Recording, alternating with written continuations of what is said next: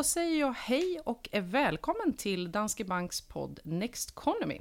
Och idag har jag med mig eh, Danske Banks chefekonom Mikael Gran. Hej! Hej! Jag tänkte att vi skulle prata om det alltid heta ämnet bostadsmarknaden idag. Så trevligt! Ja, och nu är det ju så att sommaren så sakteligen börjar lida mot sitt slut och vi börjar närma oss det här som man i alla fall i Stockholmsområdet brukar kalla den stora visningshelgen. Men om man blickar tillbaka här mot sommarmånaderna som har gått så kanske det har sett lite annorlunda ut va? i år jämfört med mm, tidigare år, eller hur? Ja, i alla fall har det nog gjort det om man tittar på omsättningen. Eh, och då tänker jag jag tror att det ser likadant ut i landet som helhet, att det har varit ganska bra omsättning. Vi har ju vår egen boprisindikator här i Danske Bank som ju tittar på omsättningen av bostadsrätter i Stockholms kommun. Och där har det definitivt varit så att det har varit en ovanligt hög omsättning. Och det, eh, den, den enda rimliga eh, förklaringen som vi har till det, det är att det på något sätt beror på, på Corona och att många har haft hemester då istället för semester utomlands. Ehm, det verkar väl rimligt att man på något sätt kanske har ägnat en del av tiden till att titta lite mer på, på, på, på bostadsmarknaden. Ja men precis, man har inte varit iväg på semester på samma sätt. Så Nej. har man lagt tid på det då. Ja, om man tittar då på den här eh, revinstskatten då. Första juli i år så återinfördes taket för hur mycket revinstskatt som får skjutas upp eh, om man säljer en bostad och maxbeloppet har också fördubblats till 3 miljoner. Eh, tror att det kommer påverka omsättningen någonting på bostadsmarknaden? Ja, alltså man, man återinför ju ett tak, ett tak som tidigare var 1 450 000 till 3 miljoner nu. Eh, men det har ju, taket har ju varit borta under ett antal år. Så att det är klart, det faktum att man inför ett, eh, ett tak är ju knappast eh, positivt sett ur omsättningssynpunkt. Sen är det ju en fråga om de här 3 miljonerna, är det någonting som drabbar de majoriteten av bostads säljarna då. Eh, och det kanske det inte är, så att det, man kanske inte ska göra för stor sak av det. Men, men, men det är klart att det är det så att man har ehm, eh, jag kan tänka mig att är det någon region eller några regioner skulle påverka så är det väl i så fall kanske storstadsområdena där prisnivån ligger högre och där, där det kanske är så att många just så att säga eh, drabbas av, av, av den här restriktionen. Eh, så att det skulle kunna påverka där. Eh, så att ja, tittar man på ett sånt här införande så är det klart, det är ju ingenting positivt. Men, men jag tror kanske inte det är någonting heller som, som välter den positiva trend vi har sett under de senaste tiden trots allt. Då. Mm. Mm. Om man tittar på, snarare tittar på prisnivåerna då som har legat. Vi har sett vår, i vår egen eh, bostad, boprisindikator då att um, priserna ligger uh, ganska högt fortfarande och tickar på lite grann uppåt eller sådär. Eh, men som ingen har missat så har vi också en global pandemi eh, eh, som påverkar ekonomin i alla länder och Sverige också såklart med varsel, uppsägningar och konkurser. Men om vi då tittar på bostadsmarknaden så verkar den rätt oberörd. Hur kommer det sig egentligen? Ja, det, det, det är en bra fråga. Nej, men vi har ju sett ett ganska tydligt mönster att under den här, i början på coronapandemin så gick ju bostadspriserna ner. I, i mars och april så föll de ju brant även i, i, i Stockholm här som sagt som våran indikator visar.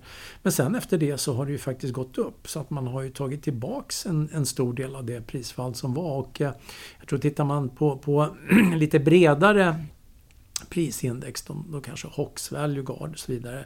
Så ser man ju att, att i, i, landet så har prisuppgången varit ännu större. Så att där är man egentligen tillbaka på prisnivåer eh, som vi såg eh, innan Corona. Och eh, om jag nu kommer ihåg rätt så är det så att huspriserna har faktiskt stigit lite mer då än, än bostadsrättspriserna. Eh, Hur kan det vara på det sättet? Eh, ja, jag tror att de flesta ändå har uppfattat den här hushållen då, eller de som står i färd att köpa och nu har jag ändå uppfattat att det här troligen blir en, en ganska kortvarig kris och att man försökt utnyttja eh, det här läget då när bostadspriserna föll, de som ändå har stått så att säga beredda att, att ta det steget. Eh, och jag tycker nu att när man tittar på de data som kommer in så får man lite bekräftelse på just den kortvarigheten därför att vi kan se, eh, om jag, om jag då tar ett par ganska viktiga indikatorer för ekonomin så kan man se att aktivitetsindikatorn, det är ett slags mått på,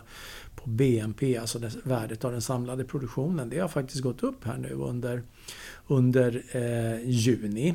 Eh, tittar man på produktionsindex, likadant där. Man kan se att det bottnade ut under maj, juni. Tittar vi på konsumtionsindikatorn så har den gått upp under maj och juni. Och tittar man på vad har vi mer vi kikar på? Arbetade timmar, det är ju typiskt mått eh, som, som ändå är relaterat till, till inkomsterna hos hushållen.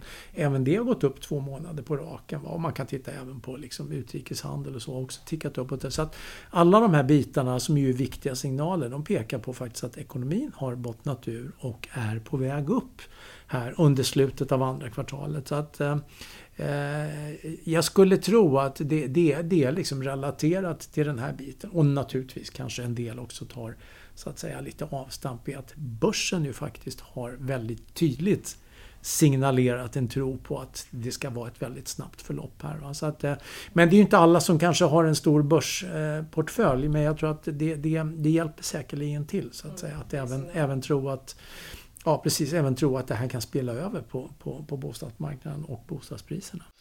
Och vi har ju pratat, jag vet tidigare när vi har poddat då, så har vi pratat lite grann om det här med eh, nyproduktionen till exempel. Det var ju någonting vi pratade mycket om förra året. Eh, och nyproducerade bostäder och att det skulle bli kanske svårt att sälja och sådär. Är det en, en, liksom, en sektor som har påverkat på något annat sätt eh, under corona eller under pandemin? Alltså jag tror det finns en del eh, osäkerhet kvar där för vi har ju sett att en del eh, producenter har haft eh, klara problem under den, under den här resan med, med, med Corona. Och det är ju ändå så att jag tror att det finns ett um, större inslag av osäkerhet i, i, när man ska köpa en nyproducerat därför att man kanske inte är riktigt säker på liksom hur, hur Eh, hur de här producenterna klarar av att leverera. Jag skulle nog personligen vara lite mer tveksam till att köpa någonting mm, liksom med två års leverans. Sådär. Hur vet man om man, man får den här bostaden? Om man nu signar upp sig och så vidare kan man vara säker på att eh, priserna inte har gått ner och så vidare. Eh, så att man kan ju se de försäljningssiffror som har kommit här under andra kvartalet från de här stora eh, eh, producenterna av, av bostadsrätter att försäljningen är på väg ner fortfarande. Va? Så att eh, i årstakt då om man tittar på liksom, hur det sett ut jämfört med, med fjolåret. Eh, så de siffrorna är lite skakiga skulle jag säga fortfarande. Mm. Däremot är det så att produktionen verkar ha kommit tillbaka. Det startas ju mer nu igen så att det antyder väl ändå att där bakom någonstans så finns eh, så finns väl en tro eh, hos producenterna på att vi kommer ändå behöva mer bostäder eh, framöver. Eh, och det är klart, tittar man på liksom lite längre sikt när man börjar fundera på hur det ser ut med befolkningsutvecklingen och så, då vet vi att det finns ett behov av att fortsätta bygga bostäder i Sverige under, under ganska lång tid framöver. Så att, eh, det är lite ge och ta kan man väl ja, säga där. Mm. Mm. Mm. Så lite andra siffror då kanske för nyproduktionen än mm. andrahandsmarknaden? Ja. Ja, men om vi eh, spår lite i korten då här framåt hösten. Vad har vi att vänta oss av bostadsmarknaden, tror du? Eh, ja, men jag tror att det, det, det fortsätter. Eh, priserna kommer fortsätta uppåt. Eh, det skulle jag tro nu när det ser ut som läget stabiliserar sig. Det skulle förvåna mig mycket. Men eh, om, om, om vi fick liksom en, en, en setback där. Eh, får vi en setback i, i bostadspriserna så tror jag då är ju det kopplat till att eh, den realekonomiska utvecklingen blir betydligt sämre. Och eller att vi har en eh, liksom, vi får en börskrasch eller någonting annat igen. Men tror man inte eh, på det scenariot, visst det är ju möjligt att vi, vi, vi hamnar där. Va? Men det är, det är liksom inte vårt basscenario utan det är snarare så att vi i Danske Bank här tror på att eh, börsen har mer att ge på sikt. Då, då.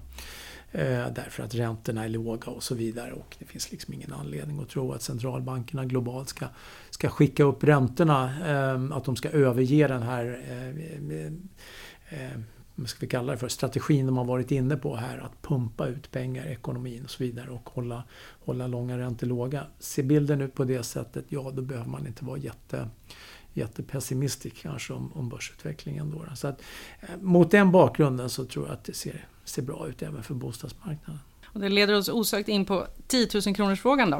Eh, Riksbankens reporänta. Vad tror du? Kommer de eh, göra någonting med den under året? Det är två gånger kvar. Eh, nej, i år tror jag faktiskt det är väldigt liten sannolikhet att de gör något med det.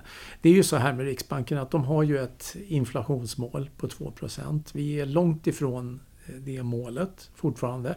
Trots att vi nu har två månader där inflationen har gått, eh, gått upp en bit. Lite överraskande eh, för oss därför att eh, det ser ut som att det är till stor del kläder faktiskt som har dragit upp inflationen. Vi har inte haft några kläder helt enkelt, inga större i alla fall, i sommar. Och det kan man ju tycka är lite märkligt med tanke på att försäljningen har, har störtdykt.